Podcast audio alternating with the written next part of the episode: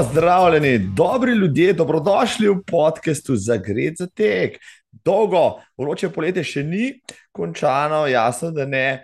Temperaturo smo se tudi že navadili, da smo navajeni tudi teči v malo toplejših vremenih in temperaturah, še boljš pa na no, obhladnih jutrih, ki so vse pogostejša in bojo nažalost tudi vedno bolj temna. Sam žal, čez poletje nisem veliko tekel, no, vsaj toliko ne, kot bi si želel, imam pa v planu par jesenskih, sicer počasnih maratonov, zato bo kak dolgi tek še vedno prav prišel. Sklapo smo tako zadnjič obkrožili Ljubljano, super je bilo, uh, nobene gužve na PST-ju, posebej če štartaš ob šestih zjutraj v nedeljo. Sicer sem par prejšnjih nedelj preživel v Visokogorju, zelo fajn, priporočam. Se je pa pametno na pot podati zelo zgodaj, po možnosti ne iti čez vikend, ravno iz najbolj popularnih izhodišč. Ko smo se zadnjič namreč vračali, še dokaj zgodaj do povdne iz Krnice pod Vršičem, me je šokiralo, kakšen promet se vali proti prelazu, in sem bil zelo vesel, da nismo štartali z vrha. In bog ne daj šele sredi do povdneva ker k sreči je izhodišč, ki niso kot parkirišče pred nakupovalnim središčem, več kot dovolj. Ste redni poslušalec podcasta in gledalec ali gledalka, ali pa ste z mano šli kratek čas, no, naročite se na tale podcast, gumb naroči se je spodaj na YouTubu, sem pa tudi na audio platformah, na iTunesu, stisnite kakšno oceno, da skupaj uh, izboljšamo doseg te oddaje in da posledično naredim vsebine bolj zanimive, goste še bolj atraktivne in vse skupaj še bolj zabavno. No, že imate majico, si danes že tekel, si danes že tekla, ne še, nekaj mi je še ostalo, vseh velikosti. Uh, za manjšo donacijo vam tole majico pošljem v zahvalo, ker na dom. Tudi sicer sem hvaležen za vse donacije, ki ste mi jih poslali uh, zadnje mesece, priporočam se še, če lahko, stroški tega podcasta so tudi vedno večji, med drugim se je moja glavna aplikacija Zoom, na kateri snemam, uh, iz nič evrov podražila na plačljivo. Ja, takle imamo, hvala vsem še enkrat in dobrodošli. Zdaj pa. Glavnim temam te oddaje, s čim se bom ukvarjal, ukvarjal sem se z atletiko, in z gorskim tekom, z Evropskim prvenstvom v Mihnu, Kajpak in s tekom na Šmarno goro. Na ta namen sem si oblekel svojo reprezentančno majico, ki si jo nisem zaslužil, pač pa dobil dar in z veseljem uporabim za tek na kakšnem uh, prestižnem maratonu. No, o čem najprej o Evropskem prvenstvu, predstavljeno svetovno prvenstvo, sem že obdelal v enih prejšnjih oddajah, Danes malo več spregovorimo o Minhnu, pravkar končanem Evropskem prvenstvu, ker je v nas predo odlična atletika, nekaj izvrstnih rezultatov in seveda cel kup tem za debato. Najprej globok priklon in čestitke Kristjan Čeh za srebro v uh, Etodiska in Tina Šutej za bron v skoku s palico, kdo je spremljal ta dva dogodka in seveda zgodbe ob tem, Tina poškodba, da neki je skoraj preprečila nastop in napeto finale, potem pa seveda finale diska, ko je Kristjan kot prvi favorit dolgo časa vodil, potem pa je moral priznati boljšo dnevno formo mlademu rivalu Alekni. Kdorkoli je že to spremljal, potem ve, da na najvišjem nivoju ni nič samoumevnega, še manj pa podarjenega. Kapo dol. Za borbo, za boje, za vse napore, predvsem tudi za vse dosežke. Slovenska odprava je sicer štela kar 22 atletov in atletin na stezi in na zelenici. Na hitro sem skupaj potegnil par rezultatov, par zanimivih preizkušenj na stezi, na srednjih in dolgih progah. Na 800 metrov bi morali imeti tudi slovenskega predstavnika, ampak je Žan Rudolf pred prvenstvom nastop odpovedal zaradi slabe forme.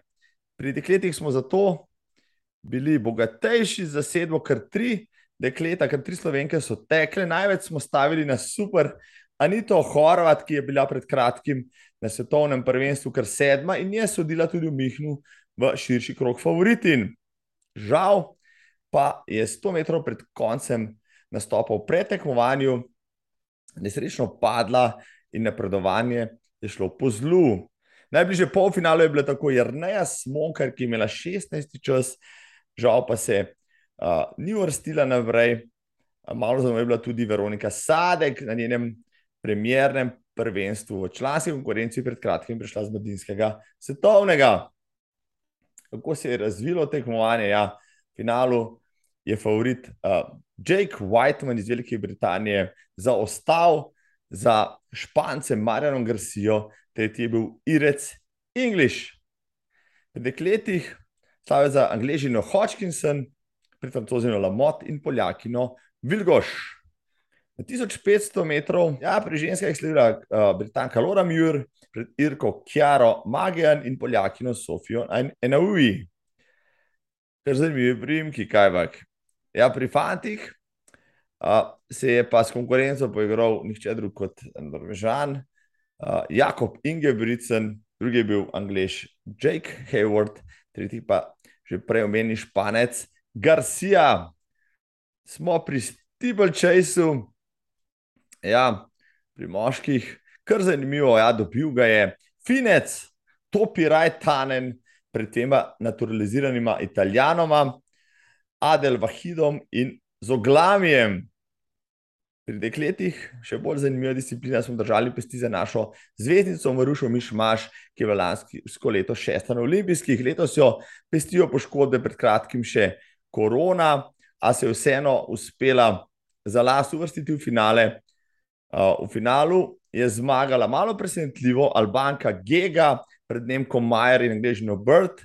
Žal, uh, Maruša tokrat ni bila konkurenčna, pa se je vseeno borila do cilja. Prav, Maruša. Na 5000, ja, če bi pri moških kdorkoli drug zmagal na 5000 metrov na stezi, kot svetovni prvak Ingebrigtsen, bi bilo to veliko presenečenje, do tega ni prišlo. Do medalj pa sta se prebila še Španec, kater na drugem mestu in Italijan Kripa. Dokaj počasen finale, za zmago je bilo dovolj 13-21. No, pri dekletih je navdušenje domače množice, krono vzela domačinka Konstance Klosterhafen, ja, šest sekund prednosti pred Turkino Jasemin, tretja pa je bila Eilish McColgan iz Velike Britanije.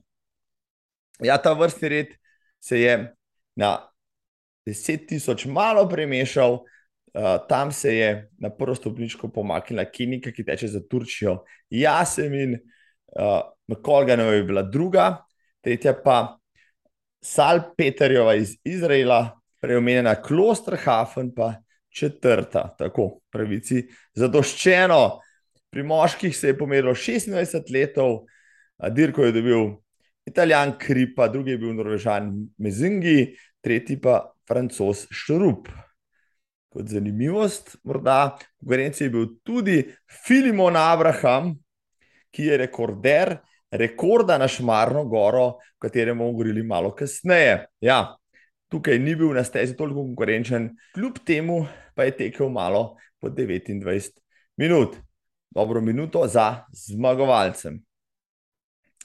In še maratonske preizkušnje, ki ste bili uh, na sporedu prvi dan prvenstva. Nemški atleti so še pred prvenstvom s peticijo nagovarjali organizatorje, naj planirano uro teka ob pol enajstih za ženske in pol dvanajstih za moške, prestavi na bolj človeško uro, a so žal naleteli na gluha ušesa. Dirka je bila tako delno oblačnem vremenu, k sreči ni bilo tako vroče, kot je kazalo, vseeno pa je bilo okrog 24 stopinj in tudi to je vplivalo tako na čase, kot na kakšen odstop. Pri kletih, kjer smo pogrešali tudi našo neokršinar, je na koncu slavila Poljakinja Aleksandra Lisovska pred presenetljivo a odlično Hrvatico Mateo Parlov Koštro.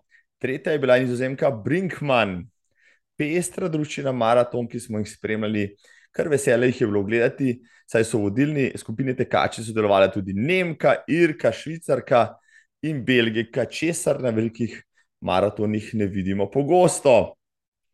No, pri moških je bila zgodba mačken drugačna. Zelo močno reprezentanco so pripeljali Izraelci, štirimi naturaliziranimi Etiopci, izvrstna je bila tudi nemška, španska, belgijska reprezentanca. v zadnjih nekaj kilometrih je izgledalo, da bo dvojna zmaga pripada Izraelu, potem pa je v celi ravnini, uh, kot da bi ga iztelil iz topa, uh, pošprintal malo predtem tretji Nemec, Richard Ringer, in v tistem nečloveškem sprintu, samo nekaj metrov, metrov pred ciljno črto, prehitev te ferije iz Izraela, ki je samo debelo pogledal in na tisti živalski napor Nemca pač ni mogel odgovoriti. Uh, nekaj sekund za njim je bil še njegov kolega Jale, ki je zaključil potem to izraelsko, izraelsko zbirko medalj. Kljub toplemu vremenu, z nekaj oblaki, kot že rečeno, so bili časi kar spodobni, par sekund na dvema urama in deset minut. Naš Primoško Bej je odlično startal, potem pa imel več težav, tudi Žuli in Čevli, praktično je že odstopil, a vendarle na koncu zaključil maraton na 61. mestu. Da zaokrožimo slovenske nastope in tudi odlične rezultate, sem za komentar poklical na Atletsko zvezo. Pridružil se mi je direktor Nec Jeraša. Takole, z mano je direktor Atletske zveze Nec Jeraša. Verjamem, da je kar lepo biti direktor Slovenske atletske zveze te dni. Uh, dobrodošel, Nec, živo. Zdravo, zdravo. Kako si, kako se imaš? Ja, moram reči, super. No? Uh, že celo sezono, ne samo uh, zdaj med Evropskim prvenstvom, ampak že celo sezono moram reči, da nam res dobro gre. No? Eh, atleti in atletinje nas razveseljujejo res z enkratnimi rezultati. Uh, in lahko rečem, vse trud, ko ga vlagamo, je na ta način pol poplačan. No? Tako da super. Ja, uh, tudi mi, gledalci in spremljalci od strani, smo imeli priložnost, pravno nacionalki, spremljati tako prej svetovno, kot zdaj Evropsko prvenstvo. Verjamem, da je atletika letos dobila na popularnosti, vsaj neki točk. Dejva, mi da biti kar konkretna, pa malo pogledati. Tisto, kar se je letos dogajalo, predvsem skozi oči slovenske atletike, od svetovnega preko svetovnega mladinskega do pravkar minulega evropskega. Kako ti, kot direktor, pač gledaš na situacijo, kako ocenjuješ stanje, na kaj uh, si najbolj ponosen in kaj uh, bi izpostavil? Ja, sigurno, že zgodaj smo začeli letos z uspehi. Ne, če se spomnimo Beograda, uh -huh. uh, Tina Šutej, bronasta medalja v skoku s, uh, s palico. Se pravi, že takrat je bil zelo, zelo dober impuls, ki je dal pol neko energijo za naprej, in to se je kar nadaljeval, nadaljeval, nadaljeval. Ne? In razlika s preteklimi leti je ta, da smo ne samo, da smo hodili na največja tekmovanja, pa prišli nazaj z medaljami, ampak da smo šli na največja tekmovanja po medalje. Se pravi, da smo hodili z res, res močnimi kandidati, ki so imeli res, res realne šanse za same, same medalje. Uhum. Če gremo po vrsti naprej, se pravi, če se dotaknemo samo največjih tekmovanj, prvih zagotovo članskih, to smo že povedali, se pravi, svetovno prvenstvo v dvorani, potem je bilo svetovno prvenstvo v Ameriki, svetovno prvenstvo na prostem, Kristjan uh, Čeh, svetovni prvak z rekordom svetovnih prvenstev, uh, Tina Šutej četrta, kar je sigurno odlična, uh, odličen rezultat, sicer je bila Tina mar razočarana, ampak glede na eh, njen dosežek, pa glede na konkurenco v svetovnem merilu, je super uh, skakala in tudi dosegla odlično četrto mesto. Uh, če nadaljujem še pol, uh, zelo, zelo dobro, Anita Horvat, se, sedmo mesto, uh, presenečenje, tudi manj za nas, ampak uh, Anita Horvat je vse čas se dvigovala, je nova na tej disciplini 800 metrov. Ne, in verjamem, da je zdaj bila poplačana za pravilno odločitev za nazaj. Mhm, mhm.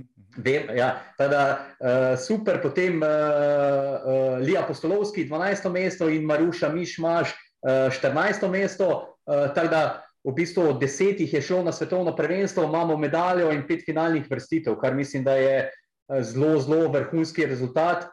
Uh, in nadaljevanje potem na Evropsko prvenstvo, spet vračamo se z dvema medaljama, Kristjan Čeh drugo mesto, uh, potem Tina Šutej tretje mesto, uh, presenečenje Martina Ratej po vrnitvi na, na največja mednarodna tekmovanja, uh, peto mesto, potem sedmo mesto Lija Postolovski in Maruša Mič Maš tudi v finalu, petnajsto. Uh, Vsem gre čestitke, predvsem pri Maruši Mišma se je videl, da je ta korona res moči pobrala in je tu še ena pohvala za njeno ustrajnost, da je se odločila tudi v finalu nastopiti in da je tudi dokončala sam tek. Uh, in verjamem, da bo, bo enkrat za vse poplačala. No, v športu je vedno tako, da uh, šport je na trenutke krut, zelo krut, ampak vedno na koncu, ko pogledaš nazaj, se nekako tako zapelje, da si poplačan pol uh, za celo preteklost.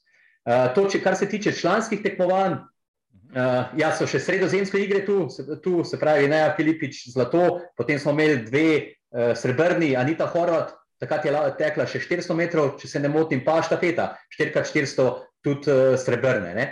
Uh, zdaj, če gremo pa še na mlajše uh, kategorije, je pa to sigurno Brina Liker, uh, Evropsko prvenstvo, uh, medalja, potem je Matic Jan Vuček, svetovno prvenstvo v 20, uh, uh, srebrn, porušil tudi 42 let star rekord Roka Kopitarja. Uh, in če se ne motim, je, je še bil uh, Ofen, ker je pa uh, Ogrinc, Žan Ogrinc bil uh, srebrn. Teda, cela paleta medalj, dolg sem naštel, pa izpostavil sem v bistvu samo medalje, ne? kje so še le tiste finalni nastopi, pa uvrstitev med deset najboljših. Da, lahko rečem, da smo izredno, izredno veseli in tudi ponosni. No? Um, Ja, zdaj si to stresel kot iz rokava, res uh, uh, kapo dol no, za vse te statistike, ki jih nosiš v glavi. Sedaj pa čestitke, najprej tudi z moje strani, res izjemna se, atletska sezona. No, zdaj, um, ja, kar, včasih je kar narodno, da je toliko dobrih dosežkov, da se potem kakšen pozabi, no, ker je toliko medalj pa vsega, pa nič ne de, nič ne de. Um, Bolje, da jih je preveč, kot pa premalo. Um, mogoče, uh, čisto tako, zdaj smo gledali, uh, kaj pa ti misliš, no, uh, svetovna atletika je bolj kot kdajkoli konkurenčna, kompetitivna. Jasno, da smo Evropsko prvenstvo, pa smo rekli, da se svetovni prvak prihaja na metališče. To bo šala mala za njega, ampak se je izkazalo, da nič ni podarjenega, nič ni samoumevnega. Tudi olimpijski prvaki, svetovni prvaki uh, niso več absolutni favoriti, vsak ima lahko slab dan, pa je pomaknen, ker so mesto niže. Ja, Če, recimo, če se zdaj navežemo na medijska, vemo, kakšna je bila lanska sezona, ne, eh, kdo je bil olimpijski zmagovalec.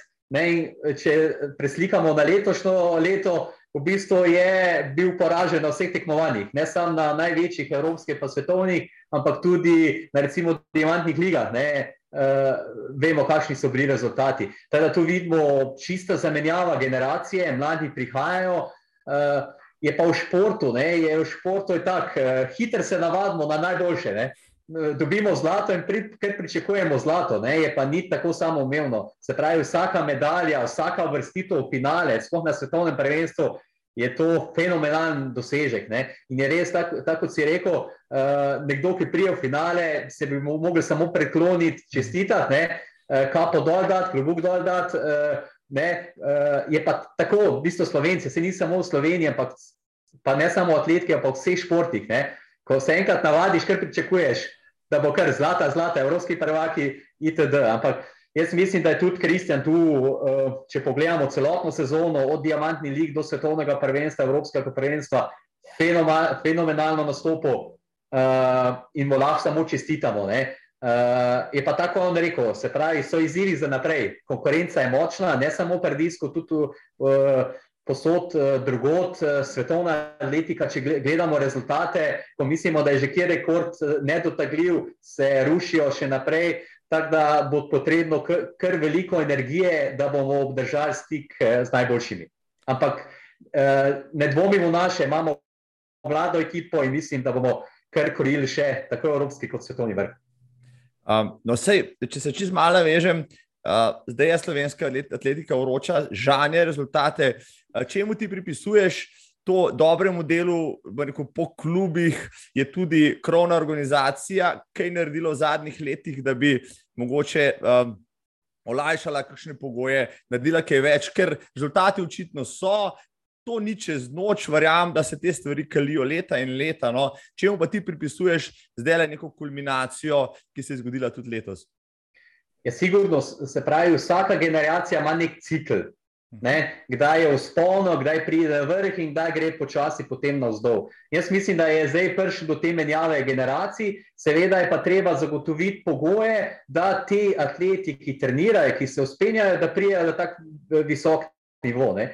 Že par let je v bistvu strategija Atletske zveze, da smo ta število atletov oziroma ta spon bazen razširili financirali. In zdaj že par let financiramo več kot 120 atletov in atletin uh, s, s financami, s pripravami uh, itd. Poleg tega je pa tudi uh, konkurenca sama na naših tekmovanjih. Recimo, mi smo ne tri leta, štiri leta nazaj uživeli to mednarodno atletsko ligo Telekom Slovenije, ki se je zelo, zelo prijela. Ne? In s tem smo omogočili tudi atletom in atletinjam uh, vrhunsko tekmovanje tudi na domačih tleh. Ne samo, da pridejo o, domači atleti, ampak zdaj v bistvu je zelo, zelo močna tudi mednarodna deležba in to potegne. Se pravi, konkurenca. konkurenca in tudi, ko je, recimo, če se zdaj recimo pogledamo tek 800 metrov ženske, imamo tako fenomenalno generacijo in to potegne. Se pravi, ena teče, druga je za, pet, za petami eh, in potegne to naprej. No? Tako da Vse skupaj, vse skupaj, seveda je pa Atletska zveza je, uh, združenje klubov, se pravi, brez samih klubov, trenerjev uh, in celotnega pogona, jaz mislim, da je ne mogoče to uh, priti na tak nivo. Tako da v bistvu so vsak, ki sodeluje z Atletsko zvezo, vsak trener prispeva tu konč, uh, košček mozaika, da pride pol do takšnih vrhunskih rezultatov. Bravo. Res fajn, no, če, če se obstoječa baza obdrži, kaj šele, ko pridete nazaj, še Janežič, pa Lukano po škodbah, no, si drzneš morda, ne, uh, tako mal čez palec, že pogledati v sezono 2023, pa morda, uh, ok, povedati, kje, bo, kje bodo vse nastopili, pa kaj recimo bi se lahko že pričakovalo od naše ja. atletske smetane. Jaz mislim, da tako eh, z optimizmom zremo v prihodnost, to zagotovo. Eh, zdaj ne bom se ozrl samo v leto 2023, ampak tudi v leto 2024, eh, ko so nas porejali tudi olimpijske igre. Zdaj naslednje leto nas čaka Evropsko dvoransko prvenstvo v Istanbulu, potem je svetovno prvenstvo na Mačarskem, na prostem. Eh, potem v mlajši kategoriji imamo pa svetovnega, kot vem, ni, je pa evropsko za mlajše člane, pa mislim, da evropsko za U20, pravi eh, za starejše mladince. No. Uh, To je recimo leto 2023, 2024, pa vemo, da je olimpijske igre. Zdaj, eh, eh, na tem evropskem prvenstvu je bil tudi določen termin evropskega prvenstva, ki bo v Rimu in bo, bo zgodaj v, prvi polovici junija z namenom, da bojo lahko še evropski atleti na evropskem prvenstvu dosegali uh, norme za olimpijske igre, kar je super. To pomeni, da lahko pričakujemo res močno, močno uh, udeležbo vseh najboljših evropskih atletov tudi na Evropskem prvenstvu, kar je super. No? Uh, kar se tiče pa rezultatov, je tako rekel. Uh, mislim, da lahko računamo na podoben nivo kot uh, v letošnjem letu. Ekipa je mlada, uh, smo pa, kot smo že prej govorili, Dobena medalja ni samo umevna. Uh, vidimo, ja, vidimo, kako je bila napeta, tudi kako je bil napet in med diska in uh, prtini šute, skop stalico. To odloča res take malenkosti, da hitrci lahko prvi, hitrci pa lahko tudi brez medalje. No? Uh, da tu jaz ne bi delal dodatnega pritiska vsem atletom in atletinjam, kar je v bistvu cilj, je to, da pokažejo najboljše, da dosežejo tudi uh, najboljše rezultate na teh tekmah in če bo to dosegel, pa bojo sami zadovoljni, vem, sem prepričan, da bojo tudi uvrstitve vrhunske. Prav.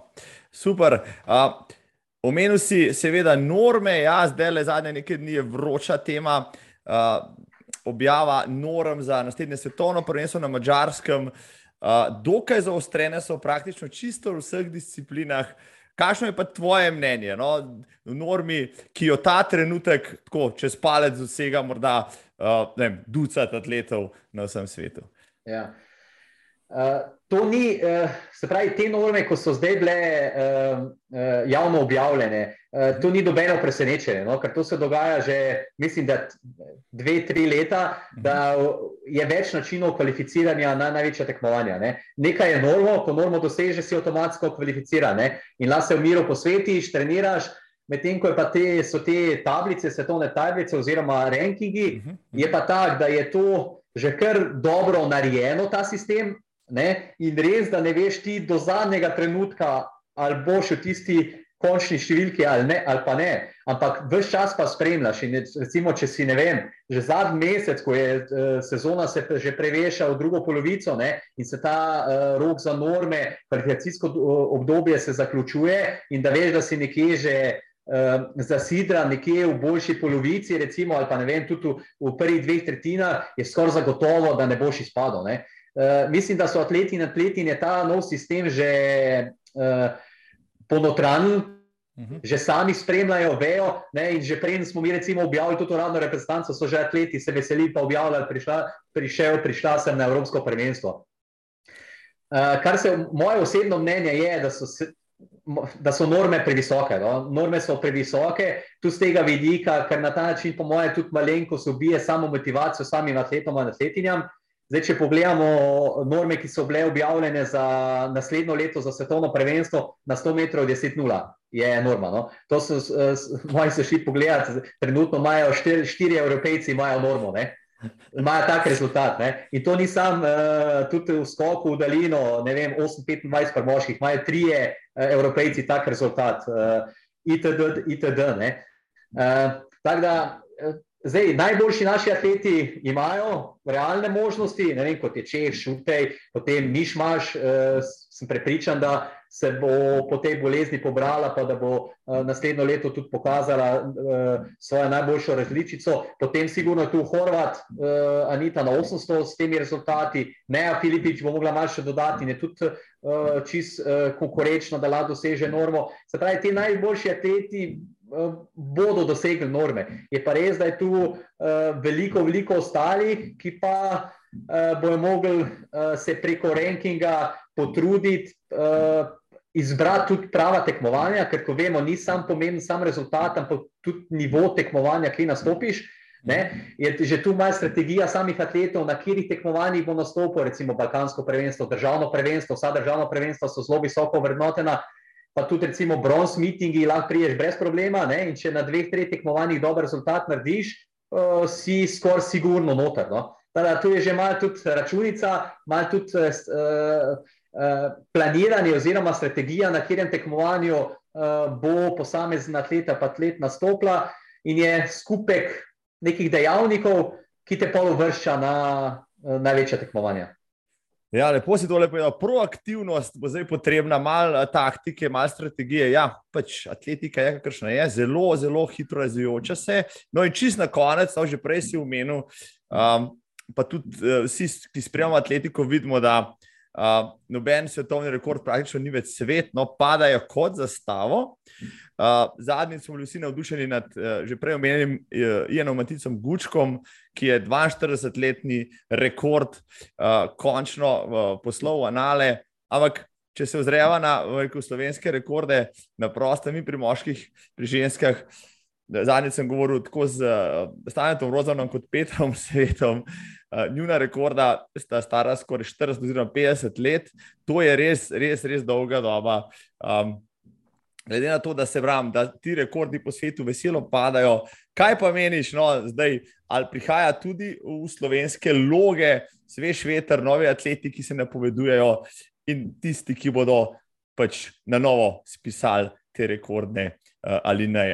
Ja, sigurno. Uh... Peter Svet je bil tudi moj trener. No. Jaz sem prej, sicer si izhajam iz drugih športov, iz mučanja, iz tenisa, ko sem pa dve leti tudi se posvetil atletki, me je pa Peter Svet, sem bil pri njemu v skupini in sem spoznal v tistih dveh letih, uh, kaj je to treniranje, kaj je to, koliko kilometrov, uh, ne, distance, itd. Tako da uh, sem hvaležen za vse to, je pa vzdubo, no, v meni uh, uh, ljubezen do teka, no, in še zdaj se trudim, uh, pa tu tečem, ne zdaj na takem nivoju. Mislim, se ni bil nikoli nek personalni nivo, ampak recimo tudi pol maratone sem uh, tekel, zdaj tu časa ni, ne, ampak se pa recimo enkrat ali pa dvakrat na teden, pa sigurno še grem teč. Ne.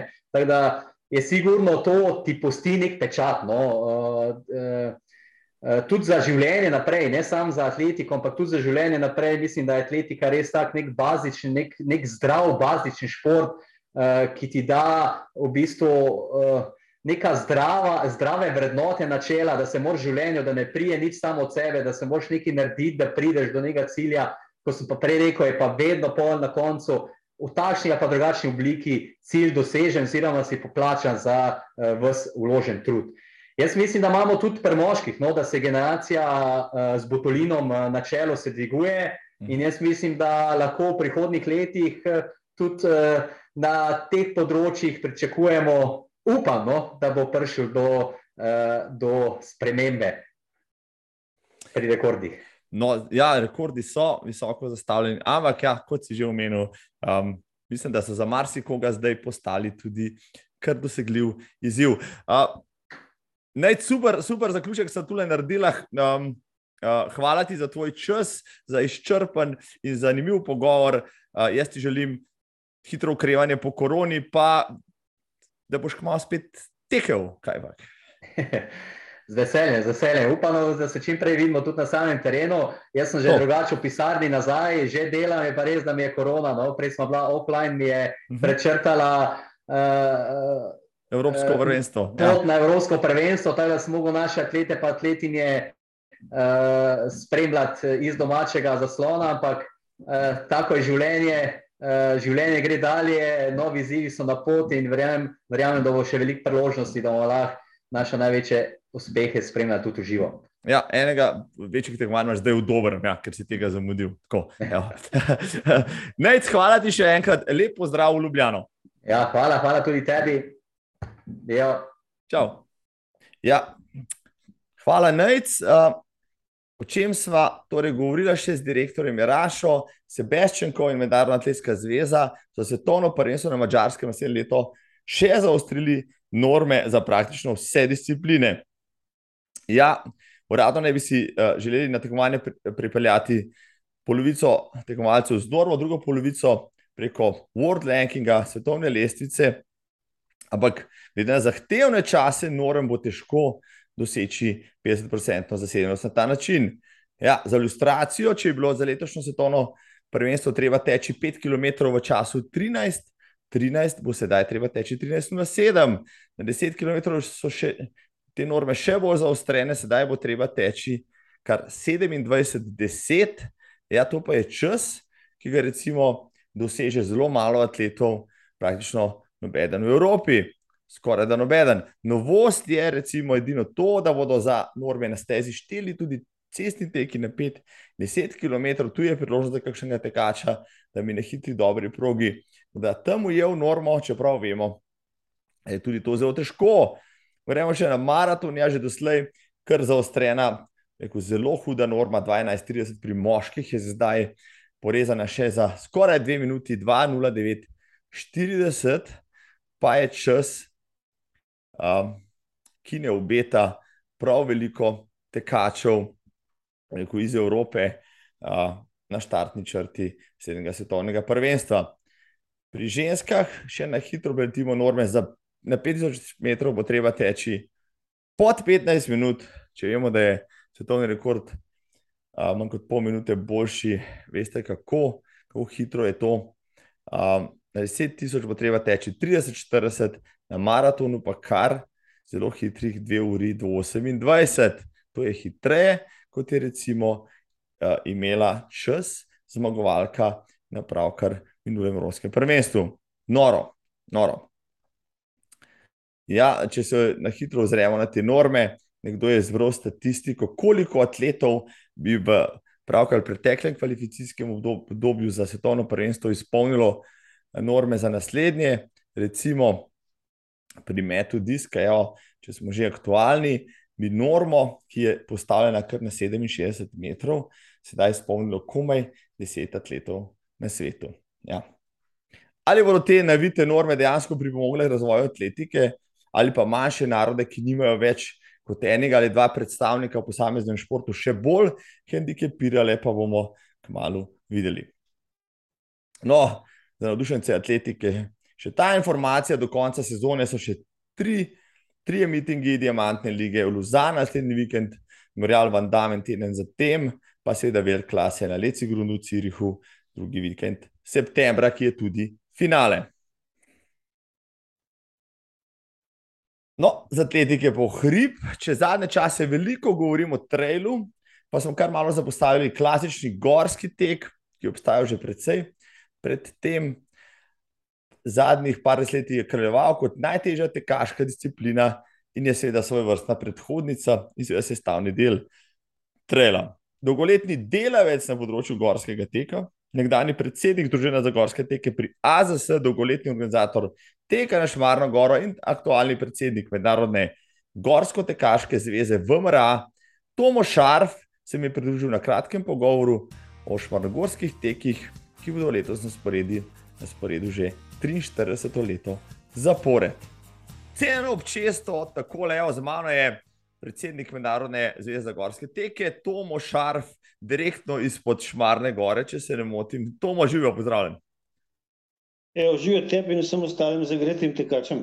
To, evo, um, jaz se spomnim, še ko sem bil mal mlajši tekač, vsako leto na koledarju tekel, ne ne glede na to, kako se je koledar spremenil, je bil tek na Šmarno goro in tudi letos je temu tako. Je tako, kdaj je ta tek, katera izvedba je na sporedu? Ja, to, vse, kar si povedal, zdaj o teku na Šmarno goro, seveda drži. Uh, letošnji tek, v bistvu se je tek v zadnjih parih letih malo spremenil, svoj koncept. Uh, mi, smo imeli, mi smo začeli s tekom na Šmarno goro, to je tisti tradicionalni tek, ki se začne nekje v, Tacnu oziroma v policijski šoli, v tem športnem parku in konče, kon, potem pele tekače preko Grmade nazaj dol in potem na vrh Šmarne gore, ta tekma dejansko je zelo dolgo bradna. Letos je 43. zaporedna uh, izvedba tega teka.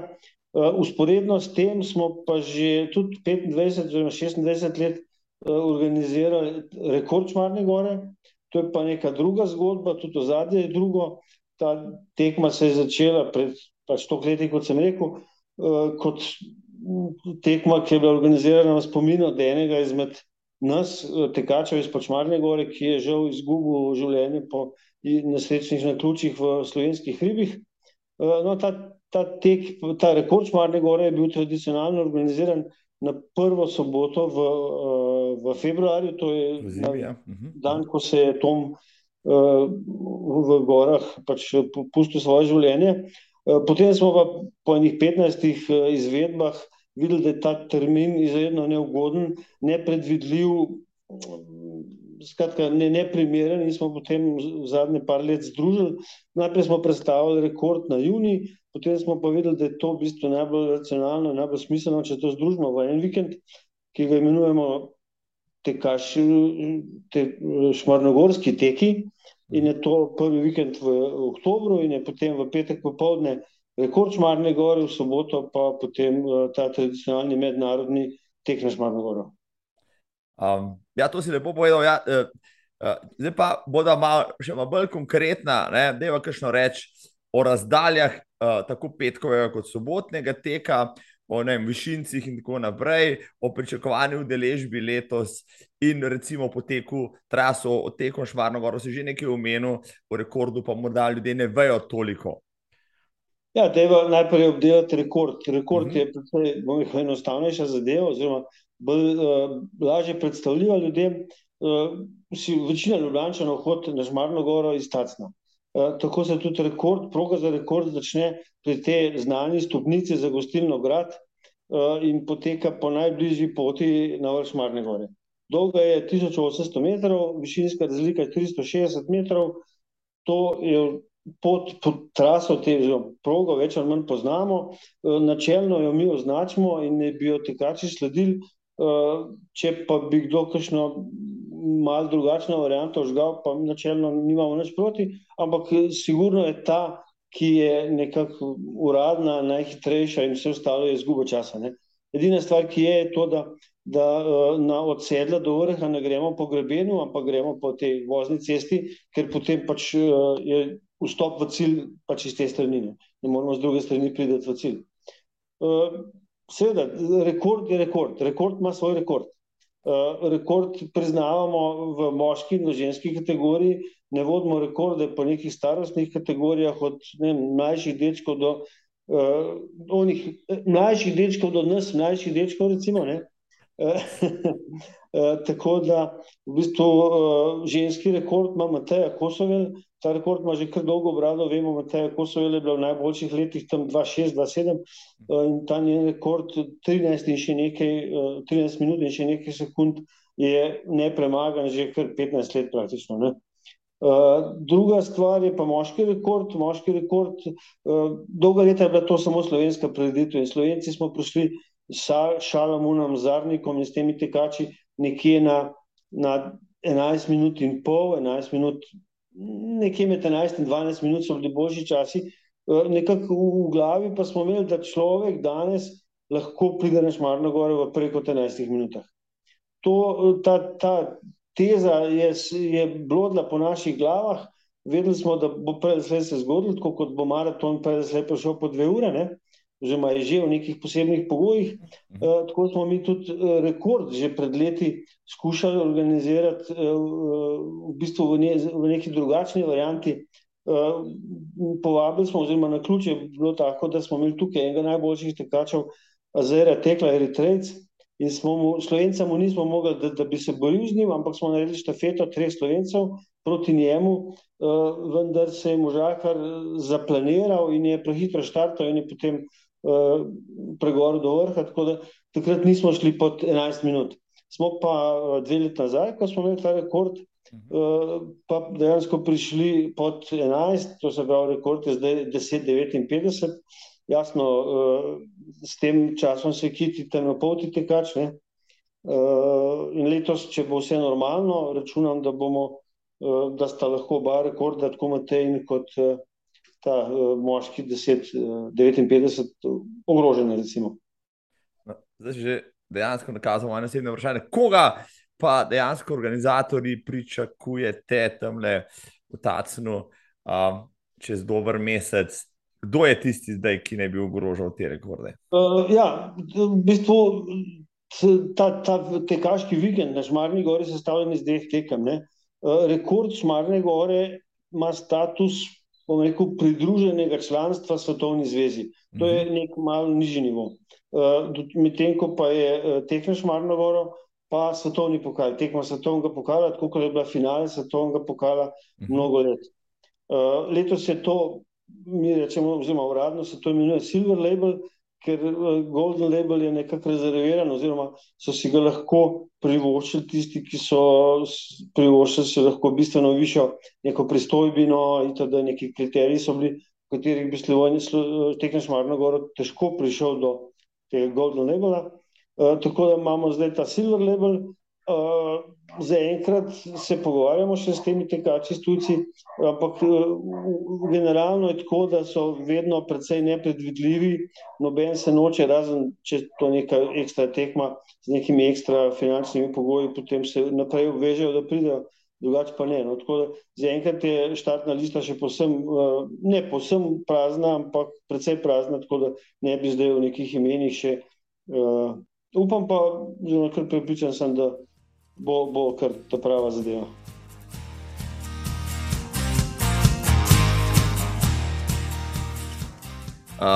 Vrško ne je to tako prestižna dirka, da se jo deležijo tudi najboljši slovenski tekači in tekačice. Bo letos tudi tako? Ja, letos je, letos je ponovno tekma poka, v pokalu Slovenije v gorskih tekih. Uh -huh. Tako da jaz računam na udeležbo vseh naših najboljših. Seveda tukaj uh, na prvem mestu je paradni kon Timotej Bečan, ki je zelo suverena oziroma uh, kvalitetna, ne bom rekel zamenjava, ampak praktično je obu uh, šporne čevlje, superge, kakorkoli, Petra Lamovca, Mitja Kosovela in te generacije, ker smo bili nekako prepričani, da pa, nekako smo sumali, da je to se skoraj ne more zgoditi, ker to je bila res zlata generacija ampak Timotej, mislim, da zelo blizu temu. Uh, da, ja. Poleg tega smo Timoteja, s Timotejem tudi uh, sklenili nek dogovor, da je on neke vrste ambasador tega Nešmarno goro. Uh, tako da mislim, da sigurno bo uh, nastopil na, na, na rekordu in na teku uh, visoko motiviran. Ja, do 11 minut uh, manjka še par sekund, oziroma ima viška še par sekund, poskušal je že večkrat, no, bomo letos spremljali uh, ta ponovni poskus, ne boš tudi kakšna dekleta, najboljše domače punce bodo tudi pri vas, saj do zdaj so bile. Ja, sigurno računam na udeležbo naših, uh, plus seveda nekaj tujih.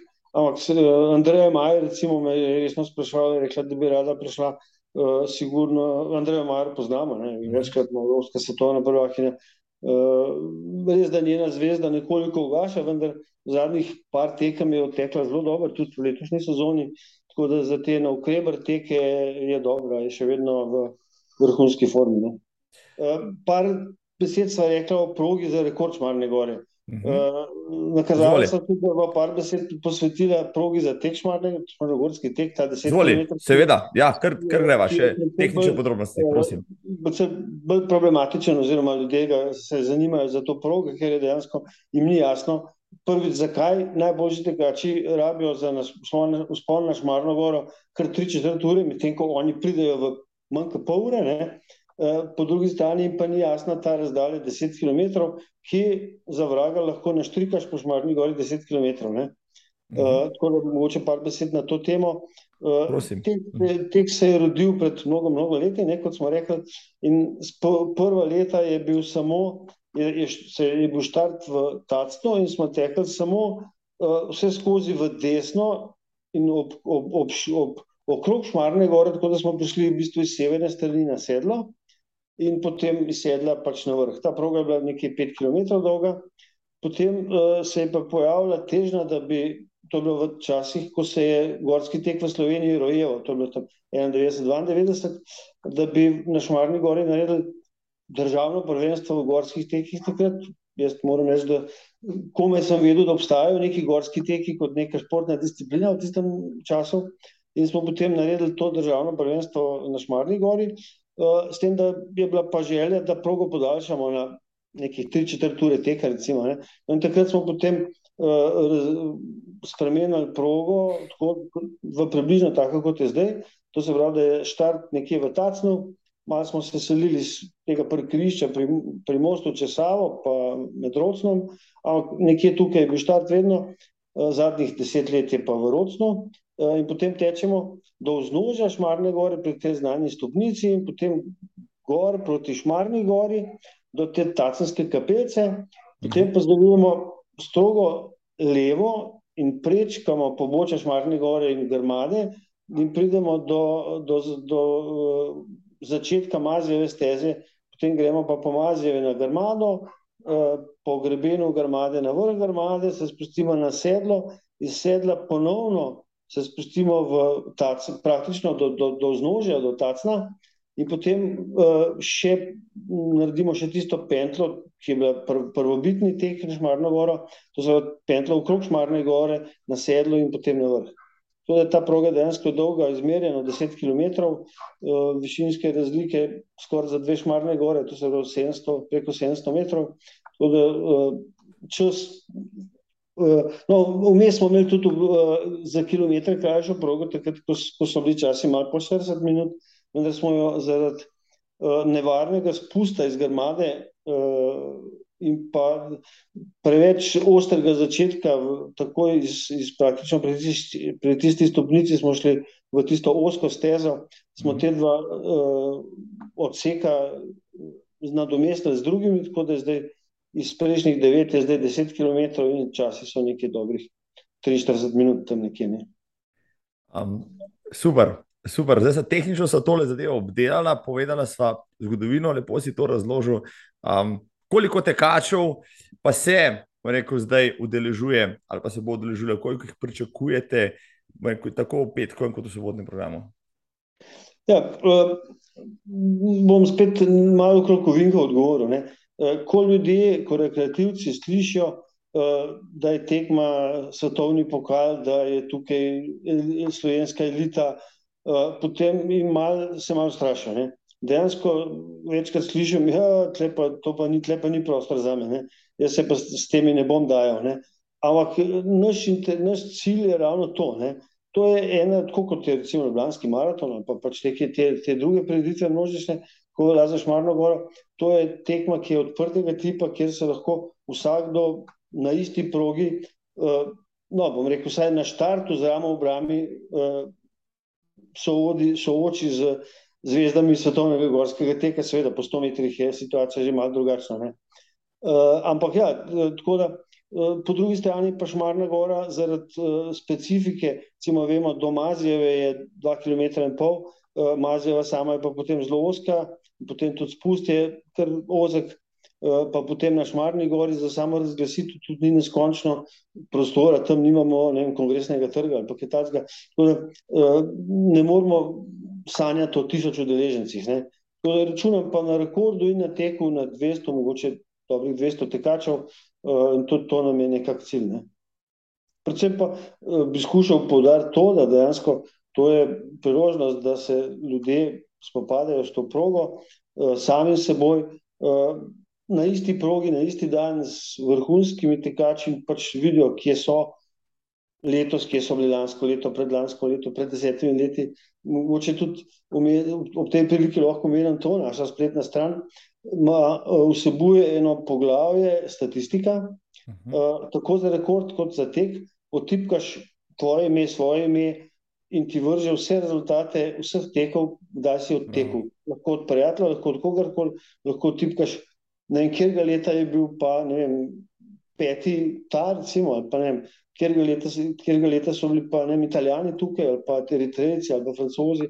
Po, po, mislim, kombinatorika je neskončna, tako da je dejansko zanimivo za tiste, ki so malo poznajo zgodovino tega. Um, super, no zdaj nisem, nisem šel dejansko pogledati te statistike v detalj, po tipkati ime na Tomo Šarfnotar, ampak evo, zdaj ti si da si že malo siv, no pa ti lahko rečem, siva iminenca slovenskega gorskega teka, pa še mornogorske naveze, uh, uh, ki je organizator uh, pač, uh, tega teka že vsa ta leta.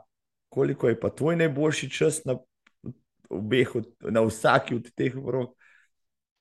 Uh, ko, sem, ko smo v bistvu v obdobju, ko se je tek na Šmarno goro rojeval, jaz sem bil v ranem mladosti uh, nek cestni kolesar, uh, Uh, in takrat smo se, v septembra, začetku oktobra, se je kolesarska sezona zaključila, in potem smo začeli tekati po hribih, po Šmarni gori, na Karovcu, na Veliko planino in tako naprej. Tako da so nam bili te. Uh, in takrat se je tudi rodil tek na Šmarno goro, ki je nekdo rekel, da je slišal, da je en drug. Rekl, da je pa en drug prišel v desetih minutah na Šmarno goro. Vse ste rekli, fanti, ne, nehite se hecati v desetih minutah, pa ven ne pride gor. Ne? In tako v tistem obdobju, to je od tega, recimo, temu 45 let. Uh, takrat sem jaz imel čase na te progi rekorda, tam okrog 13 minut, pa pol, recimo 13, kar so bili spoštovane vredni. Recimo, uh, na tej dolgi progi pa moram reči, da 10 km nisem laufal, nikoli, uh, 9 km prejšnjo, pa nekje. Ba, recimo, tako rekel, kdorkoli pride, da se ima za rekreativca, da se nima za tekmovalca, pa če zmore to progo v manj kot v eni uri, kaj pa dol.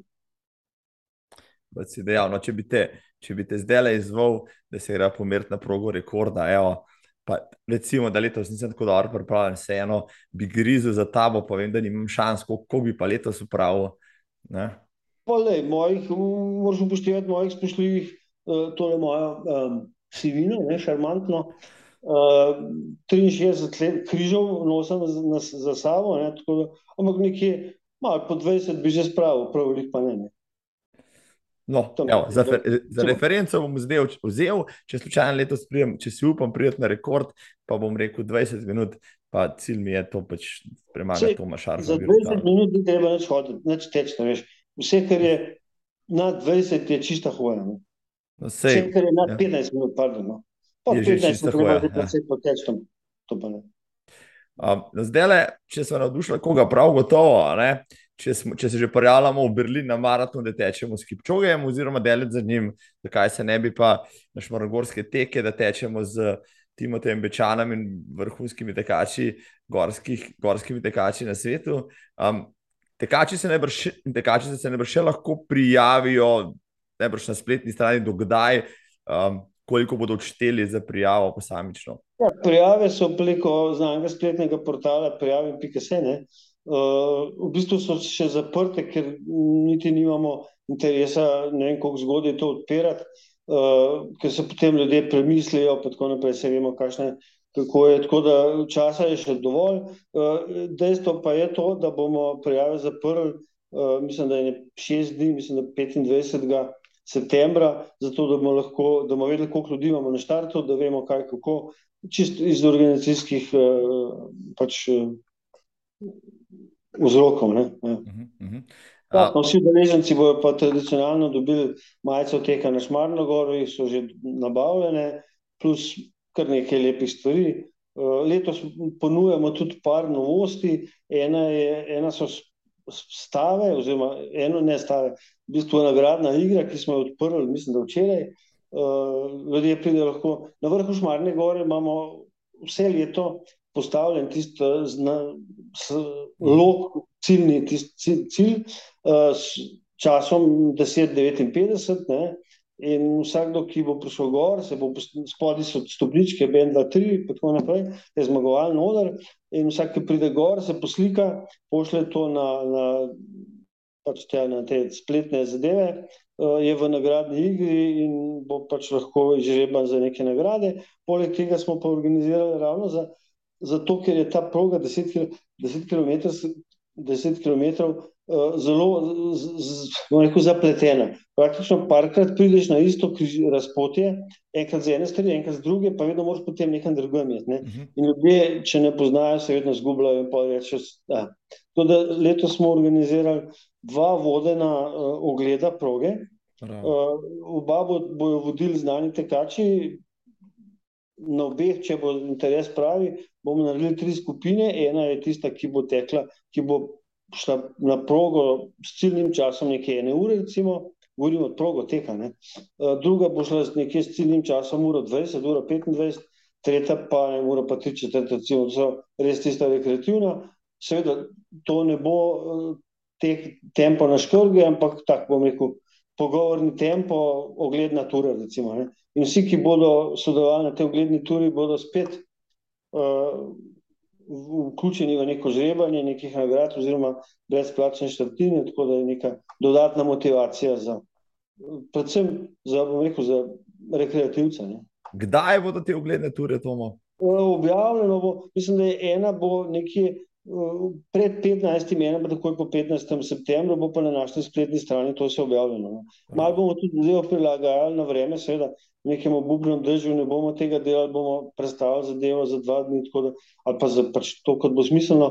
Tako da uh, svetujem vse, ki jih to zanima, ki bi radi to progo premagali v nekem brezštartne številke, v nekem netekmovalnem tempu, uh, pod strokovnim vodstvom dveh izkušenih šmarnogorcev, Timoteja in Matica, še kdo se bo pridružil, pa še Boštjan, uh, da se pač sledijo to na spletni strani in uh, se javljajo. Je, je pa to brezplačno, ne, ta, ta ogled. Super, zelo zanimivo, evo, zelo zanimivo. Verjamem, da bi se, da bo, zdaj bi pa kdo že prišel, ne, saj poskusiti tako le ne tekmovalno, če ga je strah že na tekmovanju, ostati v prahu, super, tistih, ki zdrvijo naprej. No, evo, na, da imate šanso, spoštovani in spoštovane, prideti pogovorni tempo odteč, švarno gor, povedati, če je to za vas. No, in evo, smo pri gorskem teku, če koga o, tem, o tej temi na svetu za vprašati, prav gotovo tebe si, vendar le predsednik mednarodne zveze za, za gorski tek v MRA, bil, bil si že prej na drugih funkcijah, bil si glavni za gorski tek v Sloveniji, poznaš to sceno. Dej, to mu nekaj mi povej, prosim. Uh, jaz sem veliko pet v cesti tek, pa na tem področju recesija, ne, pač števila tekmovalcev, uh, tudi po koroni še izdatno, izdatno uh, pokazal, številke so se prepolovile. Po drugi strani, ko se pogovarjam z gorskimi tekači, kdo tudi potarna, da je zdaj glavni na sceni trail, tako rekoč. Uh, gorski tek pa je moče malo zapostavljen. Da mi ti povej, moče tvoj pogled, oziroma kakšno je stanje slovenskega, pa na zadnje svetovnega, globalnega gorskega teka v odnosu tako do traila, kot do ostalih tekaških disciplin. Ja, sigurno lahko rečem, brez neke lažne skromnosti, da sem med skupino ljudmi, ljudi na svetu, ki ima naj, najboljši pogled v te zadeve. To lahko rečem. Uh, Zdaj, eno je moje osebno mnenje, eno je pa, bom rekel, mnenje, ki ga moram zastopati. Skušal bom osvetliti obe, obe plati medalje. Uh, član tega kancela Svetovne zveze za gorske teke sem od leta 97, zelo 25 let, tako da vse ta čas sledim te zadeve. Uh, in mi, moram reči, da mi, mislim, uh, Svetovna zveza za gorske teke, VMRA, je v bistvu uh, neka usporednica kakršni koli uh, nacionalni ali pa internacionalni uh, panožni zvezi. To, se pravi, to je združenje, uh, Svetovna zveza ali pa kontinentalna Evropska, je združenje panožnih zvez po državah in s točno jasnimi cilji.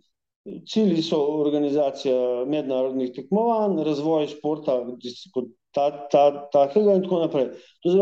Jasno, zraven morajo biti neki komercialni cilji, ki omogočajo delovanje, sigurno, ne? ampak načelno so, so komercialni cilji, uh, niso primarno gonilo delovanja ene take zveze. Uh, Medtem ko je ITRA kot krovna organizacija trail runninga, ne, je, ima v štartu popolnoma drug koncept. ITRA se je rodila kot združenje parih ve, organizatorjev večjih uh, trail tekem, jasno, UTM, ta Mont Blanc, maraton Mont Blanc je v bistvu bil inicijator vsega tega in njihovo gonilo je bilo podsem, od vsega začetka posem komercialna zadeva. To so organizirati tekme, organizirati sistem, ki bo temeljil na tem, da bo v bistvu par ljudi, ne bom rekel, fajn živelo, ampak v bistvu ni, ni bil cilj to kot svetovni zvezi, ne? ampak jim je bil cilj čisto komercialno, vemo, kako se je uh, razvil ta sistem uvrščanja v nek sistem um, kvalifikacij za UTM, za UTMB in tako naprej. Tako da, Tukaj sta bile dve čisto ločene zgodbe, ne? ker so pa imeli uh, te itraši zelo jasne cilje glede financ in tega so bili v bistvu tudi komercialno zelo uspešni. Ne? Uh, preko sponzorstva, preko vsega tega so prišli do tega, da so praktično, rekel, pred 15 leti je bil uh, trail nekje v raz, začetku razvoja, gorski tek je bil pa že kar visoko razvit. Uh, potem se je pa to, mogoče malo zaradi nespretnosti našega vodstva, vemo, da je bil 9 let, smo imeli zelo specifičnega predsednika, ki sploh ni razumel teh zgodb uh, in se ni zavedal tega, te tekmovalnosti, do katere je prišlo med uh, trail in mountain runningom. Uh, in smo malo zaspali, to je dejstvo. Uh, zdaj skušamo to, ta, ta zaostanek nadoknaditi, ampak v bistvu tudi ITRA je, se je reorganizirala, v bistvu je videla, da tako ne more delati in se je, je tudi povabila, je v bistvu gradi zdaj organizacijo na treh stebrih, eno so tekmovalci, eno so organizatorji, kot, to kot prej, eno so pa nacionalne zveze, tako da skuša se potem plati približati uh, in pač uh, dobiti neko zaslombo tudi Svetovne atletske zveze, World Athletics. Ne. Tako da tudi ta novo svetovno prvenstvo, ki je v, na Tajskem letos, ki bi moglo že lansko let biti, je v bistvu prišlo zdaj do te, do te združitve, energije oziroma interesa eh, Svetovne zveze za gorske teke in pa ITRE, ne? Eh, ki pa v bistvu ne more biti članica Svetovne atletske zveze, ker ima drugačno uh, statut in vse skupaj in je v bistvu tu nekako uh, skušala najti uh, neko, neko sinergijo z združevanjem z uh, IAU, to je International mhm. Ultra Distance uh, Association, Running Association. Tako da, da je to to. Zdaj, ampak jaz mislim, da tekače to niti ne zanima prav veliko. Tekače, bom rekel tako, tako tekače kot organizatorje, kot sponzorje potencijalne, kot medije, zanima nekaj fanti. To, da povem, v čem je razlika. V čem je razlika med trailom in mountain runningom. Ne? In vsakmu tukaj rečem, Fante, lete, to je ena in ista zgodba. Moji starši so, ne vem, stari 90 let, pred 50 leti so hodili s palcem v hribe. Ne? Ko sem jaz bil v Mulci, smo hodili na veliko planino kot kolesari na trening s palcem. Uh, to pravi, kadarkoli smo šli v hribe, smo pri tem uporabljali palce. Uh, in to se mi zdi dosti naravni način gibanja. Ne? Mountain running se je razvil iz atletike kot atletska disciplina in zato tukaj palc ni bilo. Pač, da, to je atletika, to je tek, tukaj nimamo palc. Ne? Uh, tako da razlika med trailom in mountain, mountain runningom je to, da je pri, pri mountain runningu, pri gorskem teku, je tekač uh, prvič ne uporablja palc, drugič je, bom rekel, ni samo zadosten, to se pravi, vse, kar rab na progi, dobi od organizatorja, zelo neke napitke, ukrepčila, načelno so pa te proge tudi, tudi krajše, nekje do ure za zmagovalca, recimo ure, mogoče uro pa četrt, in na taki distanci ne rabiš nekakšnih gelov, pa banan, pa hrane, pa ne česa. Tako da v bistvu neke napitke pa to dobijo od organizatorja, na vrhu ga čaka pač neka, če je to tekna ukrebar, ga čaka neko ukrepčilo, ga čaka uh, topla obleka, ponavadi, ne, običajno, uh, in to je to. Pri mountain runningu je pa tekač bistveno bolj samozadosten, to se pravi, nosi sabo ta ruzaček, proge so daljše, ukrepčevalnice manj, to se pravi, ima sabo vodo, ima sabo Eh, neke gelčke, ima sabo palce in tako naprej. Pa nekje gorski teki ne bi se nehali, nekje pri 40 km, 42 ta long distance, eh, naprej so pa treli. Eh, ampak če pogledamo, recimo, štiri občine, ne, tipičen, v bistvu je bilo dvakrat svetovno prvenstvo v gorskem teku, pa je tipičen trail. Bolj tipičnega traila ne moreš dobiti. Ne. Na koncu koncev bi lahko tudi tekneš Marno Goro prekrstali v trail. Zakaj pa ne? Čisto isto. Um, ja, marsikateri organizator je prekrstil svoj gorski tek v trail, morda tudi ja. zaradi tega, no, da bi to spopulariziral, pa pridobil več udeležencev. Kaj ti meniš o tem? No, je, je tekačem beseda gorski tek že sama po sebi tako strašna, da se potem raje ločijo za besedico trail in vse skupaj je bolj marketinškega, uh, marketinško pomembno. Uh, povedal si zdaj, odvisno si razlike, jasno. Ne? Uh, gorski tek je morda nekoliko bolj naporen, ker je krajši, bolj intenziven, pa vendarle, uh, govori se tudi o sinergijah. Če pogledam spletno stran gorski teki, pa koledar, vidim gor klasične gorske teke, vidim gor državno prvenstvo v kratkem, dolgem trelu, se pravi, nekje na slovenskem nivoju so te stvari že prepletene v praksi, uh, da si ravno so, kot si že rekel. Uh, tako ali tako ista materija. Uh, zdaj, ta korona, dokler je prišlo pred dvema letoma, je stvari malo na glavo postavila v smislu uh, izvajanja načrtovanih aktivnosti, če temu tako rečemo. Ne. Uh, tako Svetovna zveza kot Evropska zveza sta že pred parimi leti v, imeli v obeh planu uh, združitev traila in mountain runninga v, pač pod, eno, pod eno marelo in organizirati to, to svetovno oziroma evropsko prvenstvo. Potem je pač ta korona vse skupaj malo ustavila, tako da smo imeli letos praktično prvič uh, evropsko prvenstvo združeno trail in mountain running. To zadeva je bila na kanarskih otokih, bile so tri tekme, uh, gorski tek gor dol, gorski tek gor, pa 30-35 km trail. Uh, Evropska zveza je to, mislim, da zelo pametno poimenovala v Off-Road Running Championships. In to, ta izraz je meni zelo, zelo uh, pri srcu. Dejansko, v bistvu, ko enkrat imamo, imamo uh, stadionske teke, ne, imamo cestne teke in imamo off-road running. Uh, in ta off-road running uh, bo prej, tudi že pred ne, desetimi leti, je bil trend, da bi krose, krose so delali letke že mnogo let, uh, uh, da bi krose naredili malo bolj razgibane, malo bolj tehnične.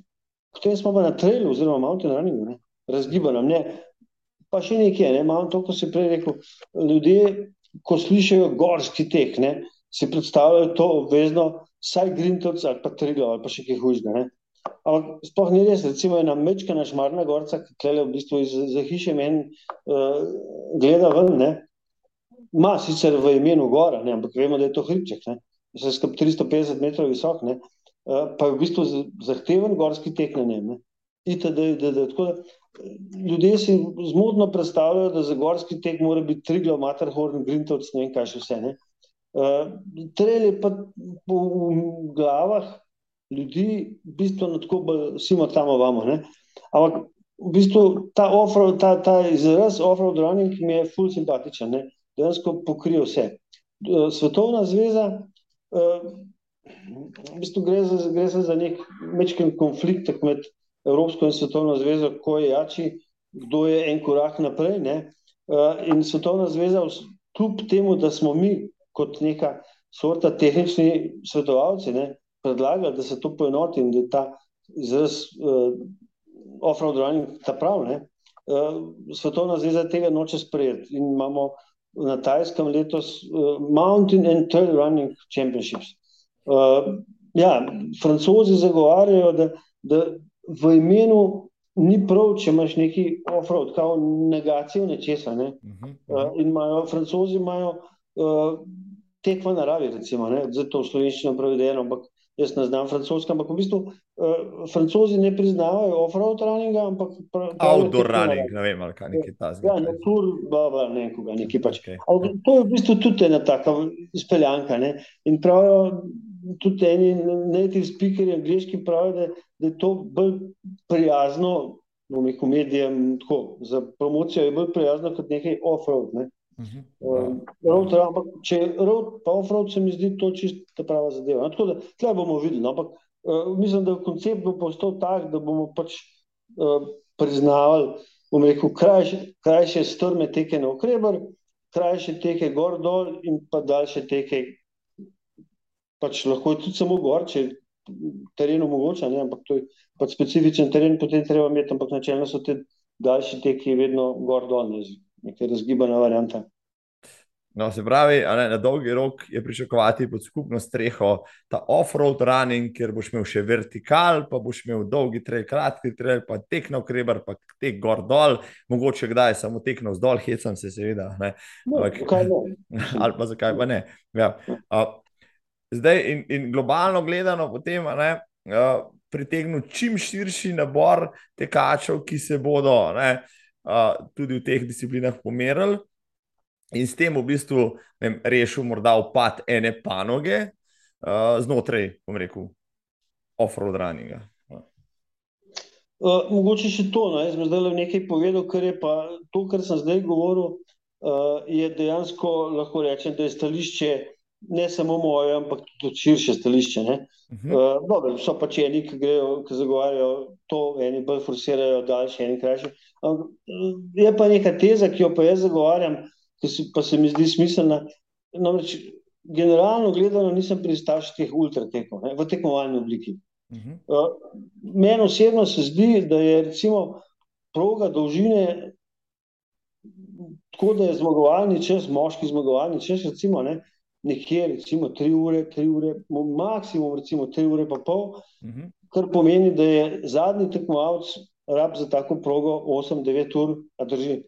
Ne? Tako, tako. Na primeru, ja, recimo, ja, gorskega maratona. Recimo, ja, ja, na primeru gorskega maratona je ja, to lepo ja, prezentirano. Te do 50 km, recimo. Ne? Tako, tako. Uh, ampak nekje zmagovalni čas 3 ure, pa pol, recimo, to je to, da je končni čas nekje 9 ur, potem In tako tekmo lahko zjutraj v normalni uri startaš in jo speleš v tekom dneva, vključno z zglasitvijo in z vsemi temi pač ceremonijali, ki pridejo po tekmi, ki, ki morajo biti del predviditve v nekem normalnih okvirih. Ne. Uh, ta, pri takih tekmi se da tudi zagotoviti potem varnost, varen potek, ker v nekih teh, uh, bom rekel, daljših zadevah, kjer je eni štartov že začel, pa tako naprej, ne, uh, se mi zdi, da se bodo zadeve zalomile, ko bo prišlo do kakšnih težav z varnostjo. In do teh težav je že prišlo, vemo, da je bilo letos v Upavi, mislim, da so eno punco iskali nekaj časa, uh, vemo, da je v tujini teh uh, nesreč bilo kar nekaj, oziroma teh, vemo, da je na UTMB-ju lansko bila ena mhm. resna zadeva, je umrl, uh mhm. -huh. so mogli potem progo prosmeriti v čist drugo dolino, spela čist koncept preditev in vse tako naprej. Tako da, jaz mislim, da stališča organizacije in stališča varnosti in vsega se mi zdi racionalno tekme omejiti na neko tako uh, čas, zmagovalni čas, nekje tri ure po pol, recimo. Uh, ja, vse ostalo sem pa zagovornik, jaz sam hodim veliko po hribih, tudi daljše variante, to, ampak dajmo te stvari počenjati malo manj tekmovalno. Uh, dajmo te stvari počenjati zase, za svojo dušo, s prijatelji, ben problem. Eh, ne, ne pa tekmovalno štartnimi številkami. To, no. Tako nekako se mi zdi. To, to je pa res čisto moje osebno mnenje. No. Ja, zdaj je kakšen ultraž za strigo z ušesi, pa bo rekel, ja, kaj pa potem, ja, teki na šest dni na cesti in podobno, ampak to je debata, mogoče za drugič. Ja. Ja, uh, kaj, je, kaj je smiselno še tekmovalno uh, organizirati ali pa ne, vendar le smo ljudje taki, da želimo zmeraj uh, neki dlje pa se meriti z drugimi, pa hitreje in tako naprej. Um, Tomo, evo, zdaj še uh, mogoče čist, čist, čist za konc. Bila so zelo izčrpna, veliko stvari si povedal, gorskem teku marsikaj, novega sem tudi jaz, jaz vedel, uh, kar se tega le, uh, tudi primerjave pa gorskih tekov, pa trelo tiče. Da mi samo še povej, ti spremljaš to sceno res, res, res je že, že več desetletij, rekel, um, si dekladnica pač informacij, znaš narediti primerjave. Kakšno pa ta trenutek stanje slovenskega gorskega teka? Imeli smo svetovne prvake, uh, ekipno, pa tudi posamične in tako naprej. Ta trenutek imamo nekaj odličnih tekmovalcev in tekmovalk, hodijo na velika tekmovanja. Kje smo zdaj, le ta trenutek v gorskem teku, odnosno tudi v trail teku, če so že pri tem, v primerjavi z globalno konkurenco, napram mogoče uh, letom, desetletjem predtem. Uh svetovna scena se je zelo spremenila v zadnjih desetih letih. Ne. Če pogledamo obdobje, ko je zmagoval, oziroma ko je nosil domov eh, medalje Mitja Kosovel, pa ta generacija, vemo, Lucija Krkoč, Mateja in tako naprej, uh, takrat je bil gorski tek še vedno uh, bre, brez, oziroma takrat so na vrata začeli trkati temnopolti tekači. Vemo, da, da se, recimo, če, gre, če se preselimo na, na, na maraton, recimo, ne, vemo, da, da je za pol tega tekača čez 20 utopija praktično. Vemo, da jih na let lahko preštejemo na prste ene roke, tiste, ki to zmorejo. Po drugi strani pa vemo, da pa za morcev nimam nič proti, no, da nam ne bo kdo napadel, neka uh, rasna nestrpnost ali karkoli. Vemo, da je cel kup uh, temnopoltih tekačev, ki v, enem, v eni sezoni otečejo maraton po 20 in da za njih se začne dober rezultat, ne vem, kot 2-4, ne vem. Podobno je v sprintu, ne. Podobno je v sprintu, za belce je vesolski čas 10-0, za temnopolti tekače pa 8-9 ali pa, znam, samo desetinkica je vmes, ampak neskončno dolga desetinkica, ne. Uh, no in v gorskih tekih se pa, pa tudi v trelih, se to zdaj že več ali manj uh, skupna scena, ne. Uh, Eh, se zdaj pojavlja to, da imamo zdaj recimo svetovni pokal v gorskih tekih. Prvi tri so kenici, ne? moški in ženske. Ne? Tako da praktično letos v tem svetovnem pokalu uh, vse tekme, ki so bile, so jih zmagali tam na poti tekači, v glavnem kenici, nekaj riteljcev. Uganda čaka, čakamo še, da pride nazaj, so že bili tukaj. Mislim, pa so, uh, tako da, recimo zdaj, prejšnji vikend je bila tekma Serzinal, ki je bom rekel, verjetno number one v, v svetovnem merilu, nagradni sklad, mislim, da okoli 60 tisoč švicarskih frankov, udeležba neskončna, zdaj res preditev na nivoju, ne. Uh, ja, Kilian Žurnet je zmagal, mislim, da šestkrat, oziroma devetkrat, meni se zdi, je bil zdaj pred tem, da zmaga, desetič ga, so ga povozili, tako da je bilo kaj, ne. Tako da, ja, scena se je toliko spremenila, tako da uh, primerjati uh, generacijo naših najboljših izpred 10, 15, 20 let, pa danes je težko. Po drugi strani vidimo, recimo, da je lansko leto, ko je svetovno prvenstvo odpadlo, da smo potem na, na horuk ali pa zelo na hiter organizirali nek nadomestek, ker vemo, da je kup reprezentanc bo pripravljenih za svetovno prvenstvo, želno neke tekme, ne, smo potem v Italiji organizirali Nations Cup kot neko tako ekipno tekmo, uh, neko malo svetovno prvenstvo. Recimo, ne.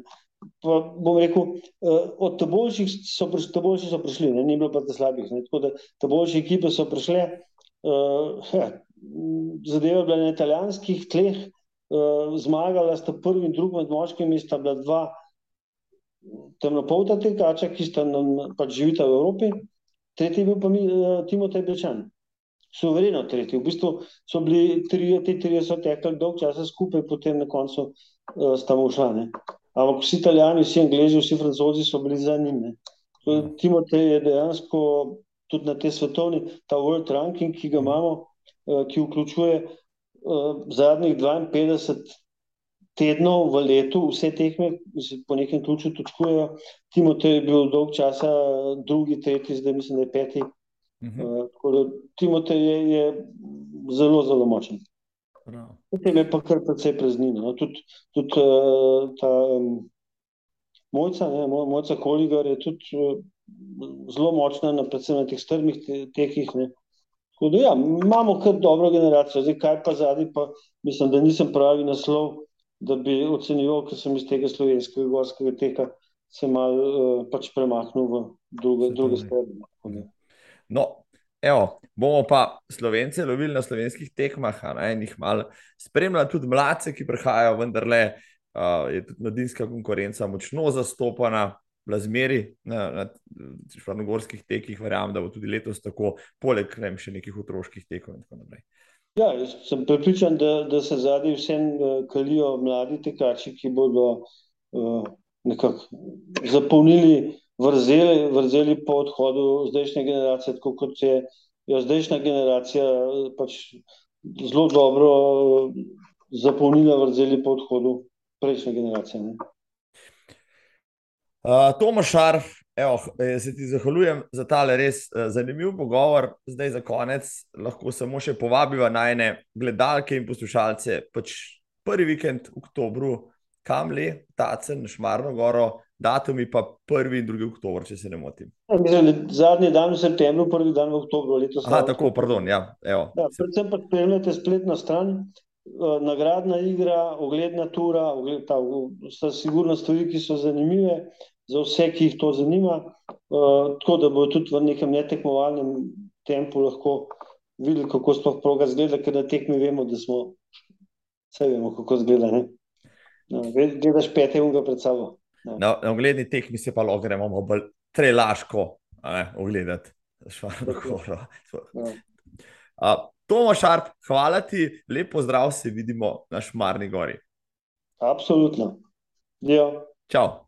Tako le prišli smo na konec, da je ja, ta vikend nas uh, čakata dve veliki mednarodni tekmovanji. V Berlinu bo na spredu svetovno prvenstvo na 100 km, tudi svetovno veteransko prvenstvo v švicarskih Alpah, pa znameniti UTMB.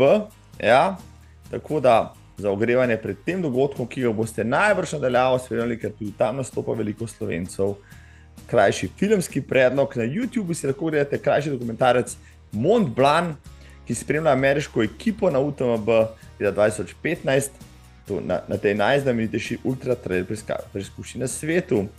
No, če vas torej zanima, kako vsa ta zadeva izgleda od blizu, tole je zanimiv 25-minutni uvod. Hvala vsem za spremljanje, ostanite zagreti za tek. Se vidimo ja, 1. septembra. Ciao. You never know when you're going to have that day. People ease off at the end, they've gotten the bag, they've got another race coming up later in the season. Kind of want to do just enough to win. I always want to do my best. You know, all you have is this year, so you might as well make it the best you've got.